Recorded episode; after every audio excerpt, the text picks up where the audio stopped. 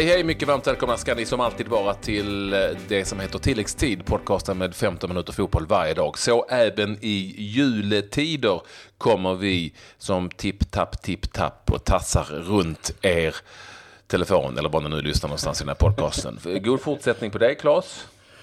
Ja, eh, jag vet inte efter den här eh, eh, svullandet runt eh, julmaten så vet jag inte om det är så mycket tipptapp utan kanske mer klumpeduns, klumpeduns eh, i alla fall här. Men eh, eh, Mm. fotboll har vi kunnat eh, se en hel del trots allt. Och det har ja, när man har velat röra på sig julhelgen så har man inte kunnat det för man har fått tvingat sitta still.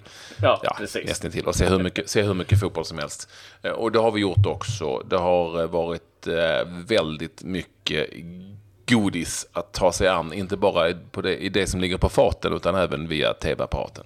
Ja, det är ju så. Det har ju varit eh, mängder av matcher idag, men Patrik, du har också haft koll på eh, lite andra matcher, inte bara det som sker i England framförallt kanske. Det gamla svenska stjärnskottet fortsätter att göra ny succé i skymundan. Ja, succé blev det inte för Zlatan Ibrahimovic. Utbytt i paus mot Burnley när United tappade poäng igen. Och vi tittar till de eh, senaste Silly-nyheterna som har frodats kring denna julhelg. Mm, men vi får väl någonstans börja med någonting man kanske inte trodde att man skulle få uppleva vad det gäller Zlatan Ibrahimovic. Att han blir utbytt i paus i ett underläge med 2-0 när man behöver jaga mål. Den såg man inte riktigt komma och det går inte att säga särskilt mycket om bytet för han var inte bra. Nej, det gör det ju inte. Det har nog inte hänt, va? Eh, om vi talar i en tid, åtminstone efter Malmö FF, knappast ens där, att eh, man då byter ut Ibrahimovic i paus jag tror inte att för att han var skadad utan snarare för att han var så pass dålig när United var i underläge 2-0 mot Burnley hemma på Old Trafford.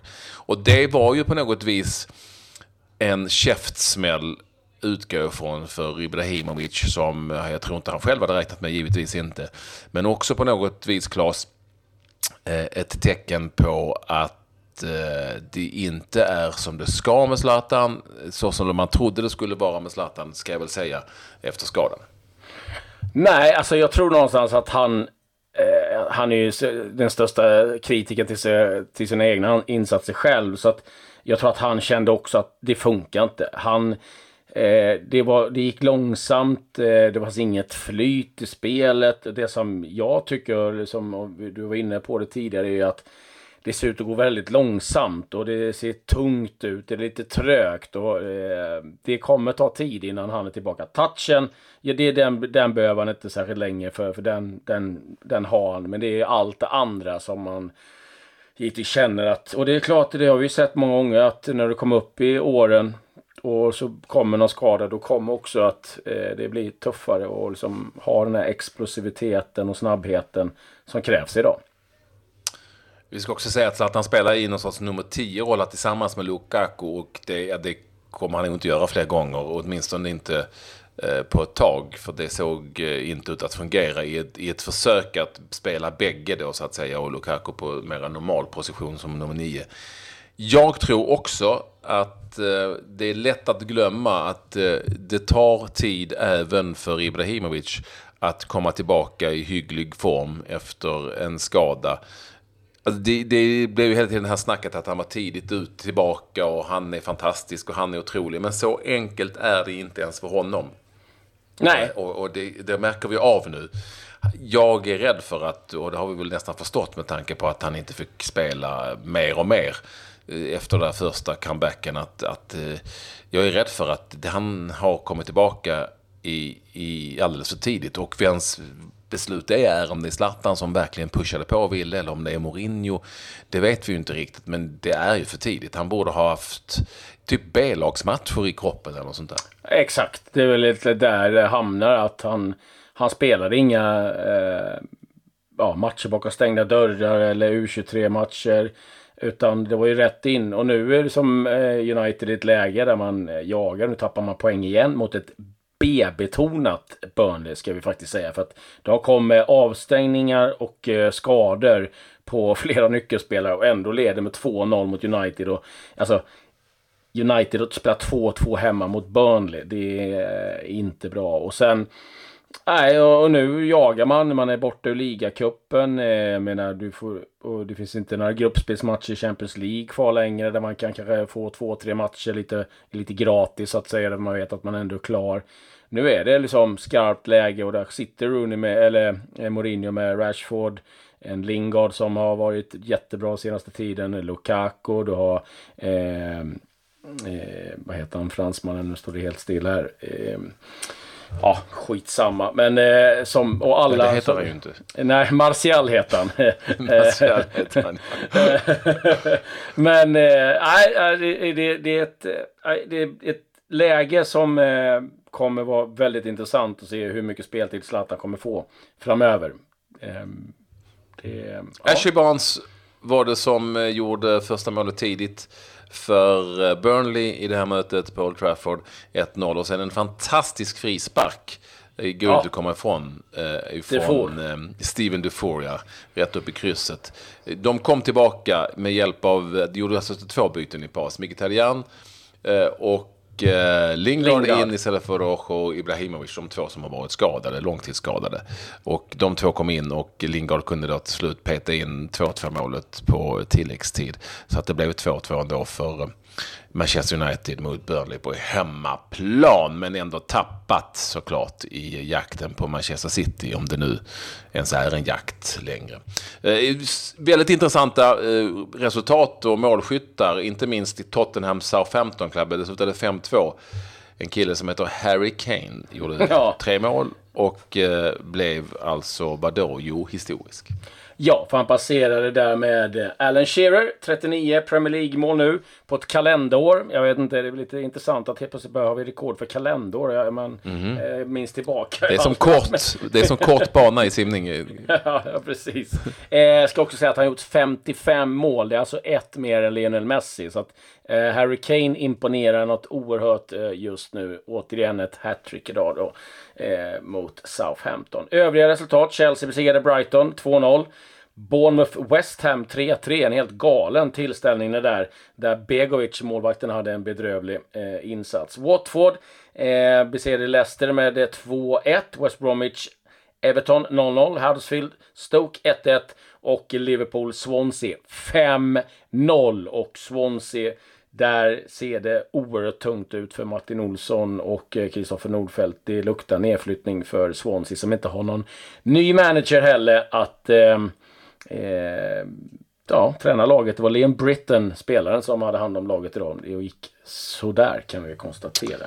Ja, och desto bättre alltså för Liverpool som när de väl får igång den här offensiven och inte blir hotade bakåt så är de kanske tillsammans med City ligans bästa eh, anfallslag. Om vi säger så. Manchester City spelar mot Newcastle eh, under dag, kvällen eh, i någon sorts hängmatch och de gör det på bortaplan. City alltså fortfarande eh, obesegrat i Premier League så här långt. Vi har ju ögon i England fortfarande för att i Leeds hade vi två svenskar. Cibicki från start för tredje matchen i rad faktiskt, Pavel Cibicki.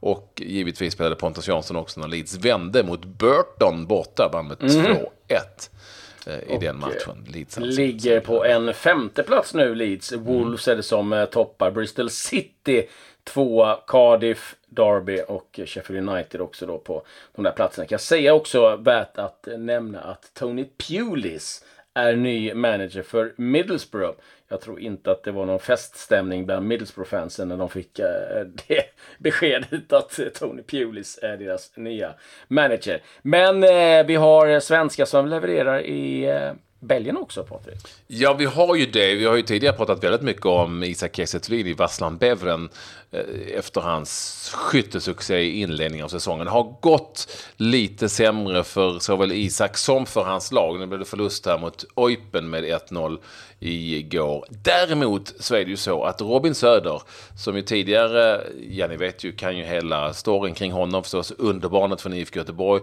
var sen i Esbjerg i Danmark ganska länge, men är nu alltså i Lockeden i den belgiska ligan. De besegrade Mechelen eller som man säger på franska, Malinois.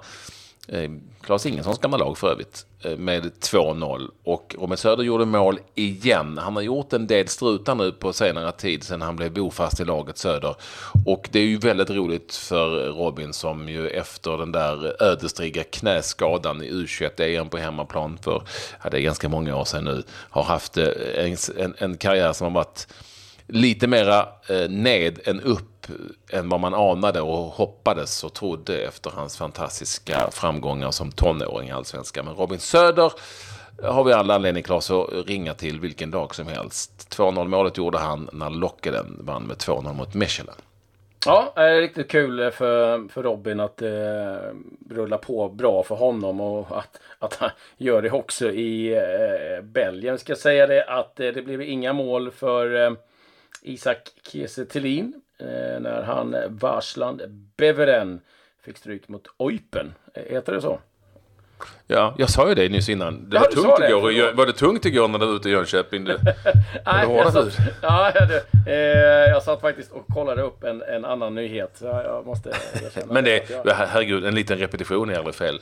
Nej, det, det kan vi ta. Eh, då kan Nej. jag ju berätta den nyheten. Jag tyckte den var lite värd att ta fram. Emmanuel Eboe kommer kanske många ihåg från sin tid i Arsenal och även i Galatasaray. Han har ju haft det riktigt tungt. Eh, stort sett hemlös och helt barskrapad. Har inte några pengar och en skilsmässa som eh, inte gjorde saken bättre. Eh, har nu eh, erbjudits jobb av Galatasaray. Det var eh, klubben som läste om hans eh, tunga situationer, svåra situation. Så han eh, eh, eh, kommer få jobb som assisterande till U14-laget. Och det tycker jag är lite snyggt gjort av Galatasaray. Ja, det är snyggt. Har vi hört någonting mer om Elmander där då?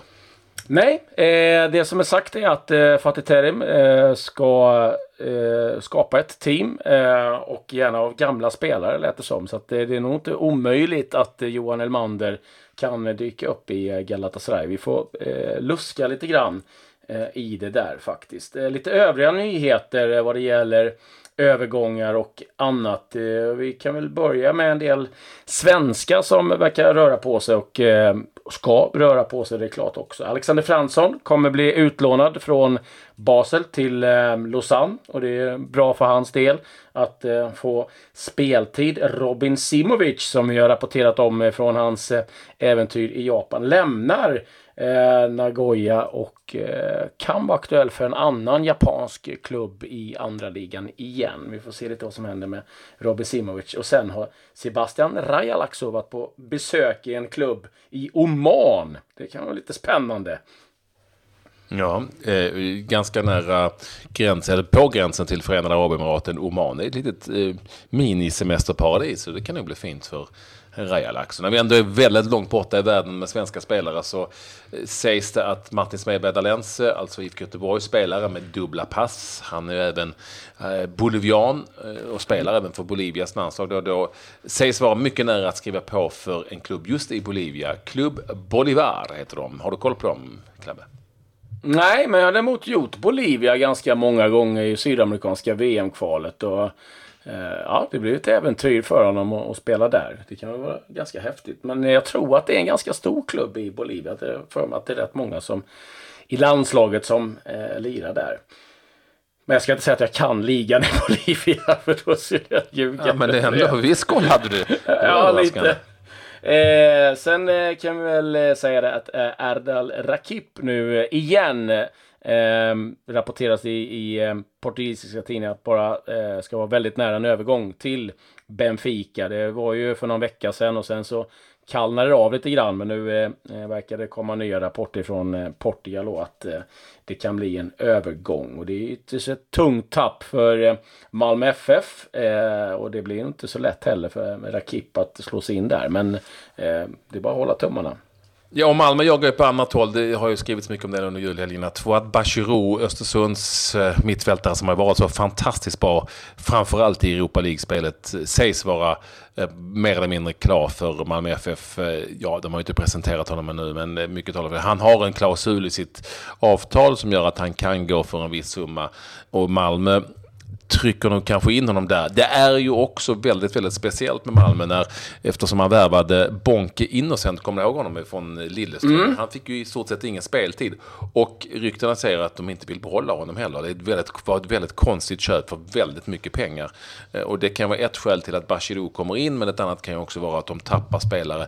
Det är ju redan klart också att att de eh, inte får, Malmö FF inte får behålla sin, eh, ja, sin norske bollthållare Magnus Wolf Eikrem som ju lämnar, inte riktigt klart var han går någonstans, men han kommer inte fortsätta i Malmö FF. För de tappar en del spelare, så Bachirou kan vara på väg in. Branimir Radogota sägs också vara aktuell för Hannover 96 Han spelar i Eintracht Frankfurt, men det har blivit fyra inhopp på totalt 61 minuters speltid här under säsongens första halva. Och eh, det är nog han är han knappast nöjd med. Så att han kan vara aktuell för eh, klubbyte i form av lån eller någonting annat. Och Virgil van Dijk verkar nu eh, ha fått klartecken att eh, lämna SA-15. Eh, tränaren gick ut idag och sa att de räknar med att sälja honom. Men de vill ha 70 miljoner pund för honom. Och eh, klubbarna som är intresserade är Chelsea, Manchester City och Liverpool. Vi får se om det är någon eh, som hostar upp eh, 70 miljoner pund för en mittback. Eh, det är lagom. Det är vad man får numera i, i Premier League. Otroliga pengar. Jag skulle tippa på att City är väl de som ligger närmst till att göra den värvningen. Det var väl vad vi hade att rapportera från fotbollsvärlden idag. Mm. Bra nog, bra nog Klabbe. Och vi mm. Eh, kämpar vidare. Tilläggstidning hör oss varje vardag förstås med 15 minuter aktuell fotboll. Nu så, och även så här i juletid givetvis. Om ni inte har någonting annat för er så kan ni alltid lyssna på oss, hoppas vi. Nu säger vi eh, helt enkelt bara eh, tack och adjö. adjö. Adjö.